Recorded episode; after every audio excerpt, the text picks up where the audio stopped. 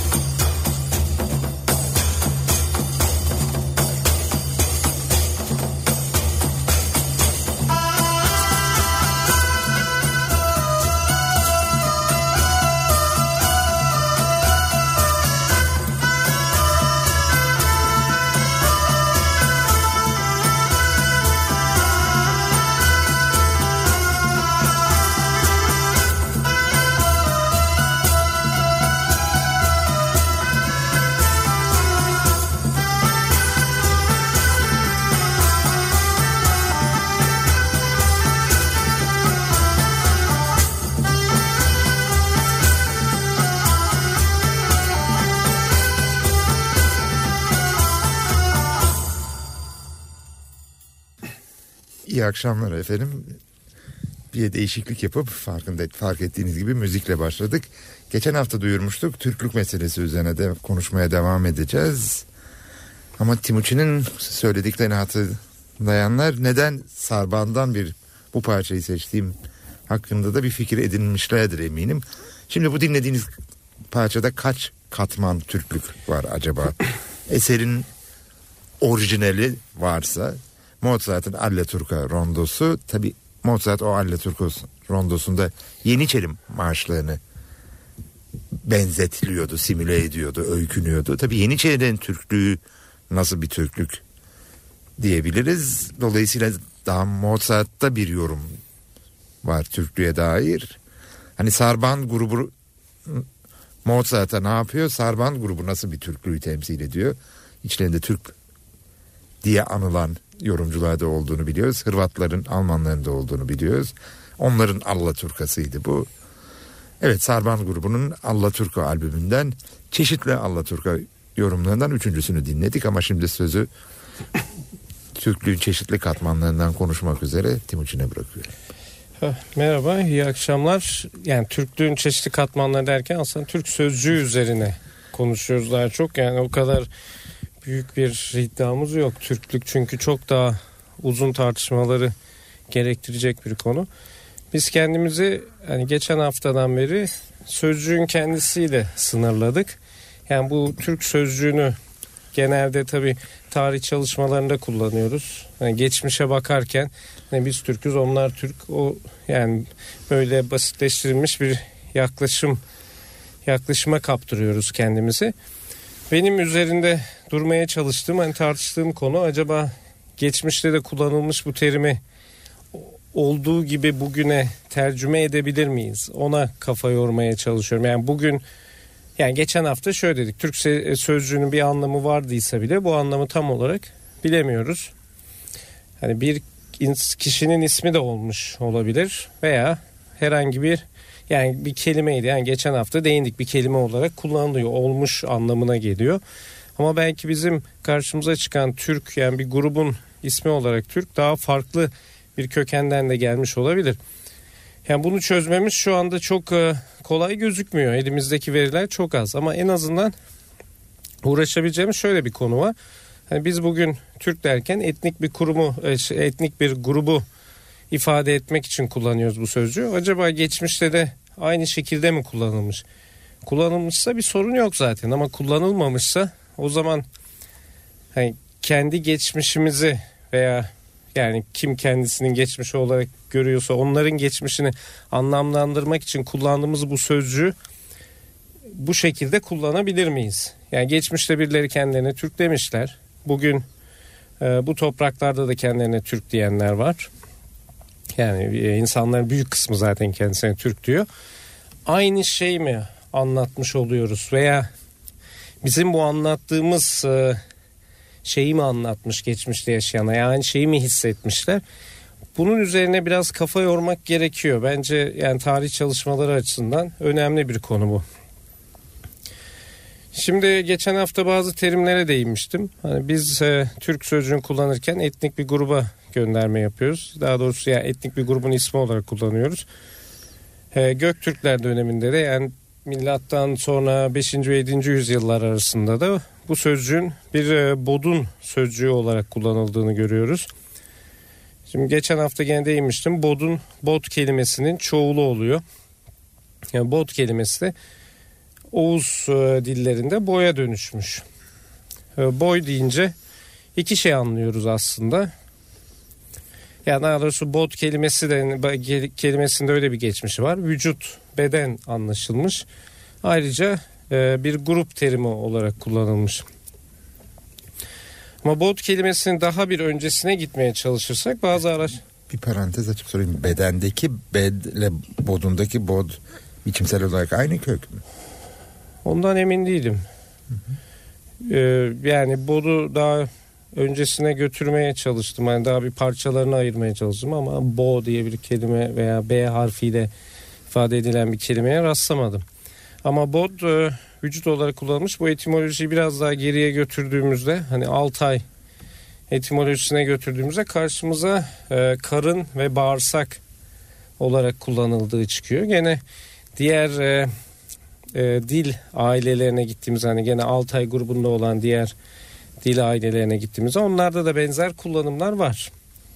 Aslında o zaman Hint Avrupa dilleriyle ilginç bir akrabalık çıkmıyor mu? Hani etnik grup için gens genus üzerinden gitmiyor muyuz? Gens doğmakla ilgili bir şey Yunanca'da. Karın. Ama o Türkçe'de e, ona uygun düşecek bir kelime var. Oğuş veya uguş hı hı. kelimesi. Hani oğlan kelimesinin kökü de aynı yerden geliyor. O daha çok doğma ile ilgili gözüküyor. Yani Karına aynı kandan gelme doğmayla. Evet burada da karına ama bir de bağırsaklara gönderme var. Yani o biraz düşündürüyor. Ha başka bir şeyle ilişki kurulabilir mi diye baktım. Ha başka bir kelime var mı etrafında? Bir bodu kelimesiyle karşılaştım. O da bağlı anlamına geliyor. Bodu kelimesi de gene bu diğer Altay gruplarında hani bir şeye bağlı olmak veya çivinin tahtaya bağlı olması e, ya da insanın birilerine bağlı olması şeklinde kullanılmış çeşitli dillerde. Yine bu da bunun da tabii Hint Avrupa'da karşılığı var. Genus'tan genitive de bağlılık ifade eden şeye de gidiyoruz değil mi? Evet. Ya ben şeyi merak ettim ama acaba Bod'la Bod'u arasında öyle bir spekülatif ilişki kurabilir miyim diye hani bir taraf vücut öbürü bağlı olmak acaba yani kendi kendime şöyle bir soru yönelttim. Vücudu böyle görmüş olabilirler mi? Yani birbirine bağlı parçaların bütünü şeklinde. Yani çünkü bağırsak olunca şöyle dedim kendime insan bağırsağı veya yani bağırsağı ne zaman görür? Hani birisinin kılıçla yardıysanız e, karnını veya ameliyat yapıyorsanız deştiyseniz ve bağırsak ilginç bir şey çek çek gelmez sonuçta hani bağlı gibi gözükür.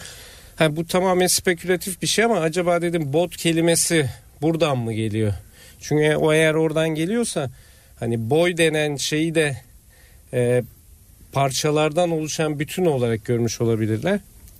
Yani bu kadar şeyi söylemem nedeni boyun altında genelde ovuş oluyor. Hı. Ovuş aynı kandan gelmeye karşılık geliyor biraz. Yani aynı yerden doğmuş olmaya karşılık geliyor. Aynı atadan. Yani birbirinin aynısı olmak. Hani biz bugün yani Türk etnik grubunda neyi kabul ediyoruz? Ee, işte herkes birbirine benziyor. Herkes Türk. Hani bunu o döneme götürmek için boy e, kategorisini kullanamayız aslında. Oğuşu kullanabiliriz. Çünkü oğuşta herkes birbirinin aynı. Aynı yerden geliyorlar. Boy biraz daha farklı gözüküyor. Boyda sanki yani boyda oğuşlar birleşiyor. Yani gene aynı soydan gelmek var ama e, birbirimize benzemek, aynı kanın etin parçası olmak gibi bir şeyi anlatmak istediklerinde sanki oğuşu kullanmışlar, boyu kullanmamışlar. O yüzden bu hani bağırsak veya bağlanma kelimesiyle biraz uğraştım. Çünkü eğer öyleyse hani vücut dedikleri şeyi de birbiriyle birleşmiş parçalar gibi görmüş olabilirler. Yani tam şey gibi düşünüyorsun. Eklemli parça olduğu zaman beden, bodun, boylar evet. diyorsun. Daha homojen özdeş yani Mesela ovuş kolu temsil etmiş olabilir. Kollar, bacaklar, kafa hepsi ovuş. Hani boy vücut oluyor. Acaba öyle bir e, e, sembolizm mi kullanmışlar? Yani bu dediğim gibi spekülatif bir şey. Yani daha fazla üzerinde araştırma yapmak gerek ama tabii bir de daha fazla veri olması gerekiyor. Mesela bu e, e, milattan önce 1500'lerde Hindistan'a yerleşen Aryan kavimlerinde görülen bir şey. Onların mitolojilerinde var bu. O kas sistemlerini baş, kollar, bacaklar şeklinde ayırmışlar. Yani o sembolizmi kullanmışlar. Acaba aynı şey e, bu yani sonuçta bunlar da Asya'dan geliyorlar. Her iki grup yani bir pastoral geçmişleri de var. Acaba burada bir ortaklık düşünülebilir mi? Peki senin kendine çizdiğin rotadan çok saptırıyor olabilirim ama aklıma sormadan edemeyeceğim bir soru geldi.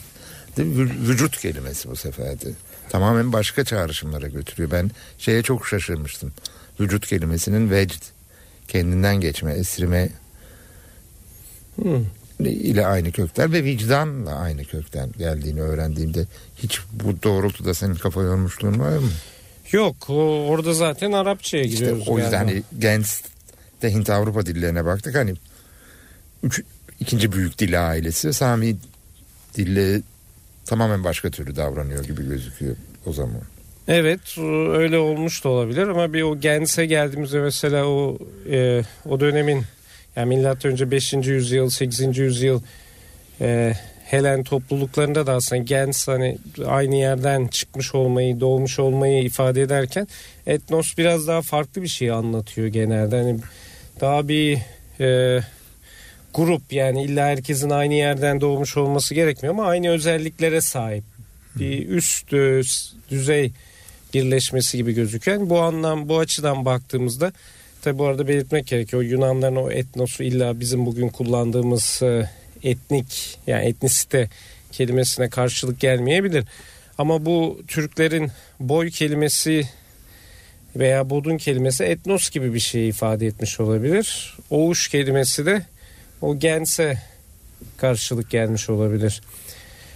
Yani bütün bunları tabii söylememin nedeni hani geçmişe bakarken olayı biraz daha ayrıntılı düşünmemiz gerektiğini belirtmek için. Çünkü biz böyle alıyoruz biz demeyeyim de hani birçoğumuz diyeyim veya hani günlük dilde falan tek kelimeyle birçok şeyi açıklamaya çalışıyoruz.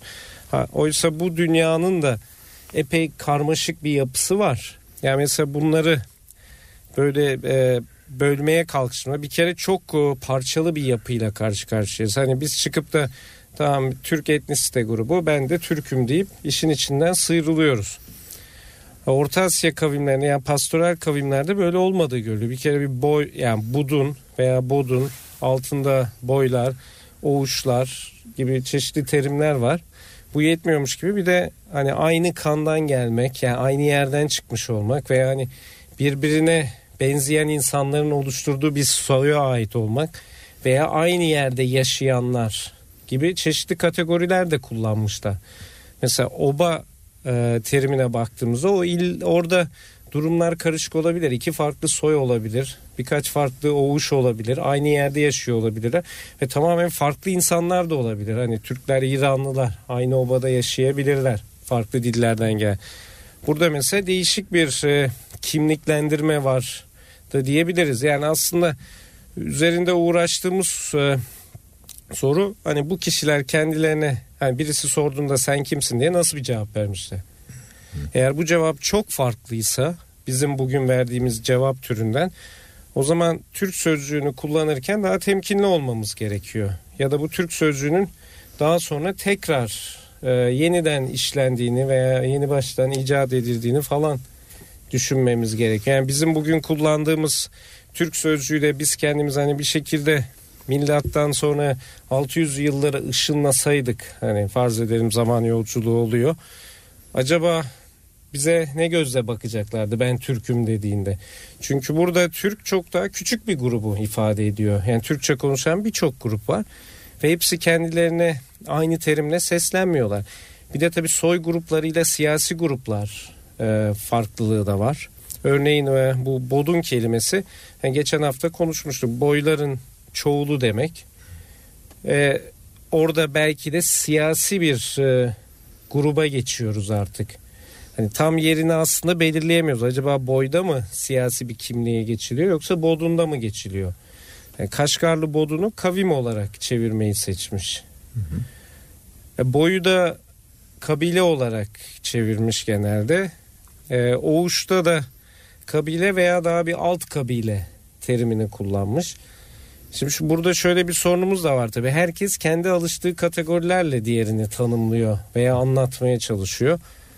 Yani bir grubun diğer grubun kategorileriyle onu tanımlamaya çalışması yani bunu becerebilmesi aslında çok zor bir iş. Bu anca şimdi antropologların bir parça yapmayı becerdiği bir yetenek oldu. Yani hala da tam beceremiyoruz.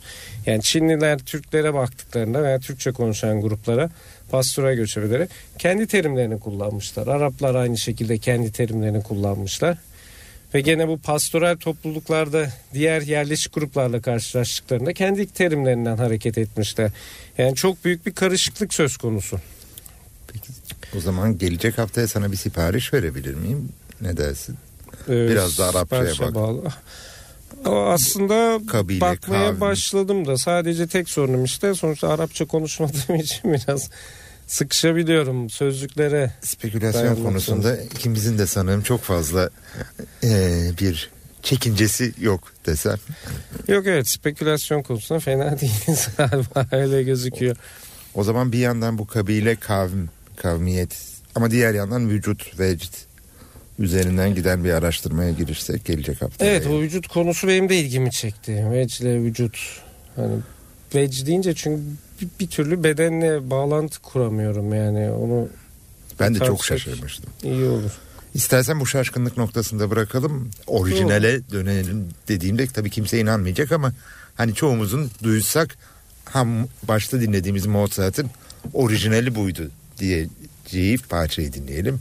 Evet Köhel 331 sayılı piyano sonatının ünlü Rondo alla Turca başlıklı bölümü tam bugünkü konuşmalarımıza uygun olacak bir şekilde kimin yorumladığını bilmiyorum. Piyanistin adını yazmayı unutmuşum.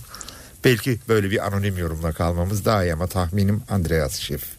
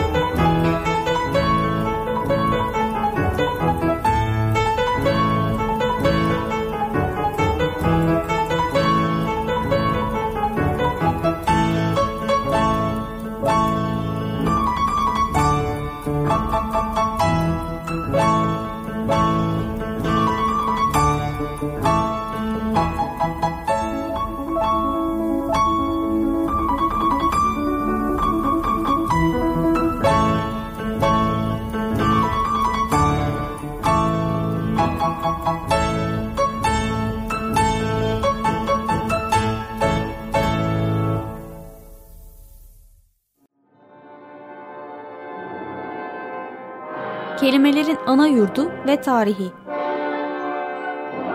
Hazırlayan ve sunanlar İskender Savaşır, Timuçin Binder ve Ömer Aygün.